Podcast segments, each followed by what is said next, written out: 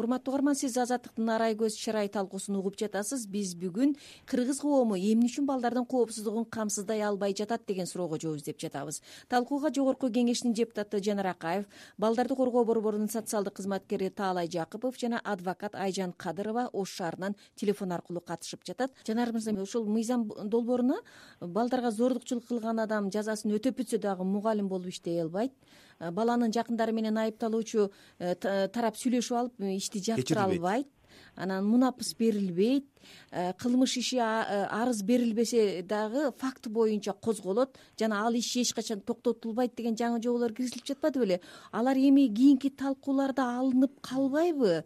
Тескерисинче жазанын дагы башка түрлөрүн киргизүү зарылдыгы болуп жүрбөсүн туура эми э, мисалы э, азыркы э, таалай мырза айткан айжан айым айткан баардык олуттуу катачылыктар дагы ушундан келип чыгып атат деп биз ойлоп атабыз. Анткени биз деле мисалы мыйзамды отура калып эле жазган жокпуз. Бизге бир канча ата энелер ошол эле балдар укугу менен иштеген бейөкмөт уюмдардан ар кандай мындай сунуштар болду да. Депутаттардан дагы анча мынча чочулуулар бар бирок көпчүлүгү менимче колдоп беришет анткени кээ бир учурда мисалы материалдык муктаждыктан улам кээ бир учурда жанагы биз эми э, куда сөөкпүз тууган урукпуз деп анан ортого түшүп же болбосо анын дагы бир таасирдүү бир жакын тууганын алып келип ошону ортого салып эми арызыңы кайтарып эле койчу деп.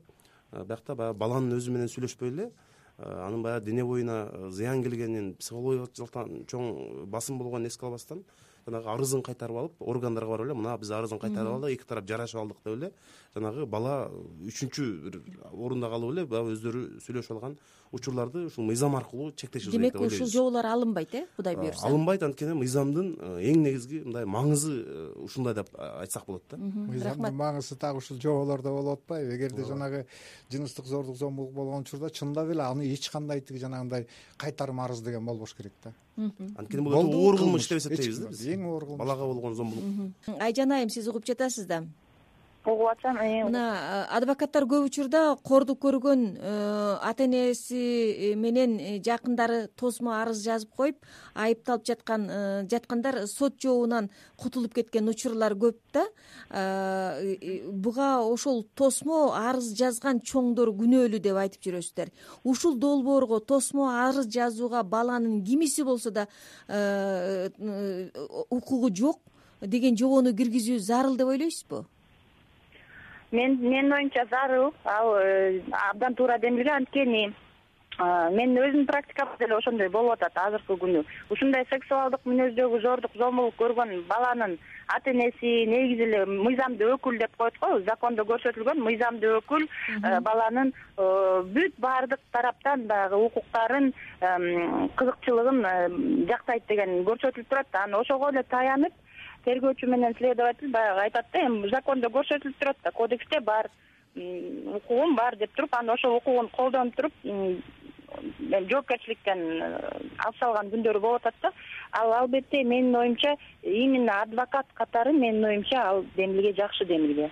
Бул анткени ошондо тергөөчүгө да сотко да мындай жол бербейт да. Анан жана нечистоплотный адвокаттарга да жол бербейт андай кылганга жанар мырза э, айжан айымдын айтканын уктуңуз да демилге демек мындай демилгени колдоо керек го. Анан эми депутаттар каникулдан келгенден кийин ушул мыйзам долбоору кабыл алынат деп ишенсек болобу ар кандай саясий мамилелерден депутаттардын бири бирине карата көз караштарынан улам ушул такыр алынбай калышы мүмкүн эмеспи андай болушу мүмкүн эмес деп эле ойлоп атабыз. Анткени бул э, жалпы мындай биздин жарандарга тиешелүү маселе ошол эле убакта кичине кошумчалап коеюн деп атам мына жетимиш төртүнчү статьяда жана амнистия боюнча. Мурдагы закондо мындай жазылыптыр да кылмыш жасаган адамдар мунапыс берүү жөнүндө актысы боюнча кылмыш жаза жоопкерчилигинен бошотулушу мүмкүн дейт. Алар мунапыска кабыл алат биз айтып атабыз жазаны катаалдаш керек. Анткени мына жашы жетпегендердин жыныстык кол тийбестигине жана жыныстык эркиндигине каршы кылмыш жасагандыгына байланыштуу жаза өтөп жаткан адамга карата мунапыс колдонулбайт деп атабыз. Анткени э, ушундай дагы учурлар бар экен. Жана балдарды жашы жете элек он алты жашка чейинки э, кыздарды зордуктап коюп түрмөгө отуруп бирок ошо амнистияга илешип э, бир аз убакыт отуруп эле чыгып кеткен адам. Ал эми эч кандай кыйынчылык көрбөсө мисалы кордук көрбөсө амнистия менен чыгып кетсе ал ошондой кылмышты баягы көнүп калгандай дагы эле кайталашы мүмкүн анткени бир кандайдыр бир жол менен бошоп кетиши мүмкүн дегендей ушундай бир жазаны катаалдатуу мындай зарыл болуп турат муну эми депутаттар сөзсүз колдоп берет деп ойлойбуз. Анткени мындай маселеде биз эми түшүнөбүз. Мисалы жети пайыздык кредит же болбосо мугалимдердин айлыгы деген сыяктуу баягы шайлоо алдындагы убадалардын таймашы болсо анда парламент эки тарапка бөлүнүп саясий кызыкчылыктар жанагы э, коомчулук алдындагы бири бирин мындай кадыры көтөрүлүп кетпесин дегендей маселе болот. А бирок мындай э, көйгөйлүү маселеде парламент деле э, бөлүнүп жарылбайт деген ойдобуз. Мына биринчи окууда депутаттар дароо эле колдоп беришти. Бирок комитетте абдан чоң мындай тоскоолдуктар болгон. Анткени парламентти дагы мындай сыртын алып катуу сындаган менен ичинде мындай дасыккан юристтер дагы бар.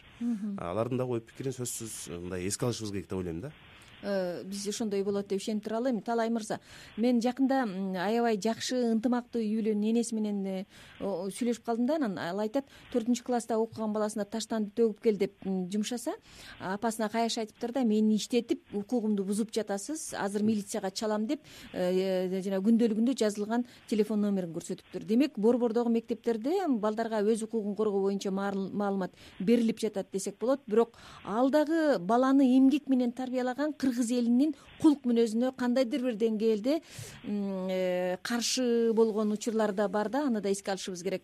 Эми ал башка сөз менин берейин деген суроом жалпы өлкө боюнча балдар зордукчулардын колуна түшпөш үчүн кандай аракеттер жүргүзүлүп жатат анан аларды канааттандырарлык деп айта алабызбы канааттандырарлык деп айтыштын өзү кыйын го эми биз бул шаардын чегиндеги жаңы конуштар иштейбиз. Эми бул жерде биздин долбоор боюнча балдарды коргоо борбору коомдук бирикмеси өзүбүздү эмилге көтөрүп тиги эки миң он бешинчи жылдан бери эле ушул зордук зомбулуксуз тарбиялоонун ыкмалары деген атайын сабактарды өтүп жүрөбүз да. Эми мунун кандай жакшы жагы бар? Биринчи кезекте ошол зордук зомбулукка карата болгон жамааттын ошол жерде жашап аткан элдин көз карашын өзгөртүүсү керек да. Бизде мындай болуп калган да. Жанагы азыркы силер айтып аткандай бала уруп тарбиялаш керек эме кылыш керек. Аксакал кишилердин көпчүлүгү эле айтат ооба тиги бизде деле урган уруп жүрүп эле мына мен жакшынакай эле киши болдум токмокточу деп.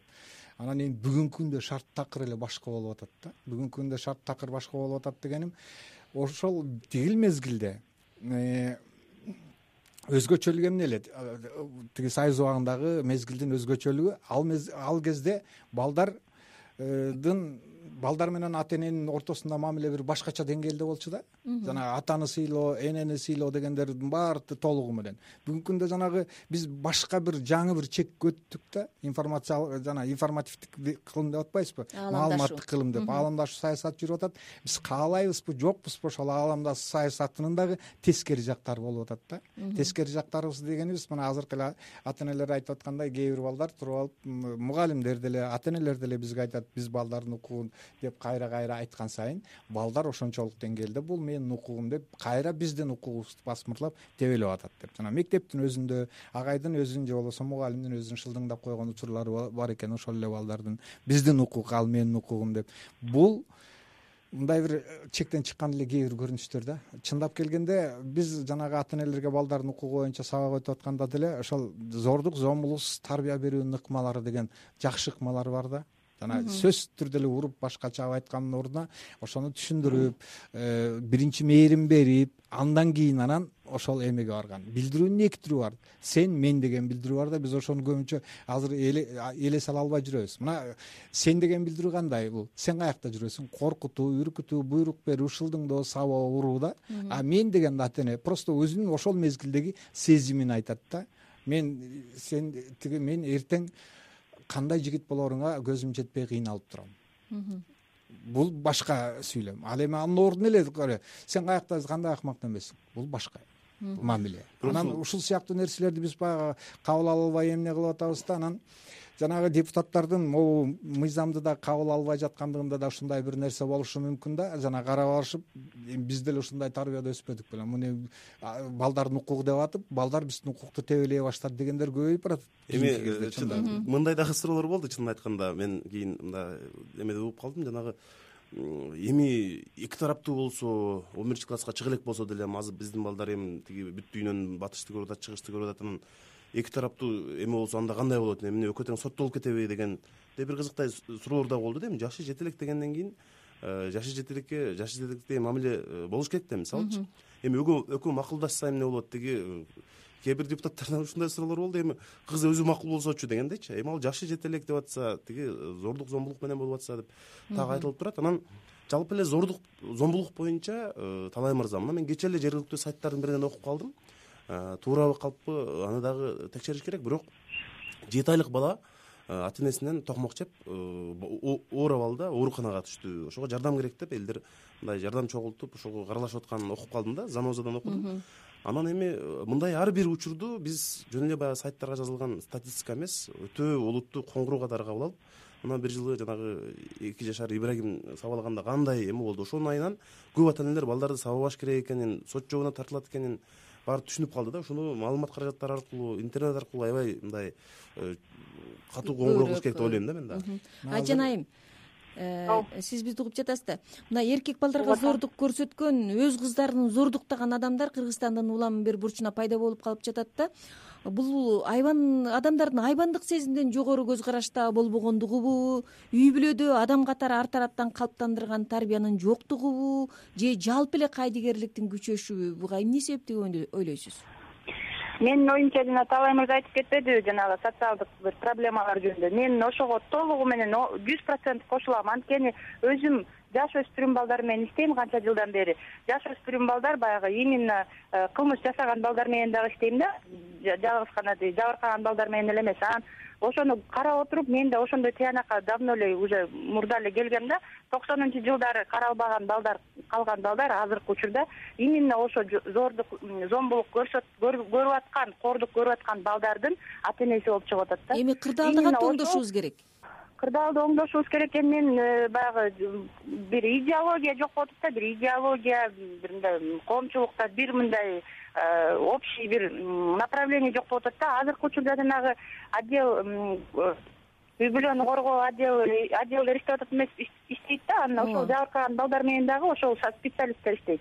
Азыркы учурда ошол отделдердин балким э, баягы э, күчөтүү керек го деген ойдомун да. Күчөтүү эми материалдык э, планда дагы алардын э, баягы айлык майнасын көтөрсө балким алар дагы ошол именно ошол э, үй бүлөлөр менен жакшы иштейби деген ойдомун да. Демек жыйынтыктап айтканда урматтуу меймандар бул мыйзамды кабыл алуу зарыл экен коомго. Анан ошол мыйзамдын талаптарын аткарууга өкмөт дагы жергиликтүү бийлик дагы жалпы коомчулук дагы кайдыгер болбой ар бири аракеттениш керек экен деген ойдо бүгүнкү талкуубузду аяктайлы урматтуу угарман сиз азаттыктын арай көз чырай талкуусунда ортоктош болдуңуз. Биздин талкуубузга э, жогорку кеңештин депутаты жанар акаев балдарды коргоо борборунун социалдык кызматкери таалай жакыпов жана адвокат айжан кадырова катышты.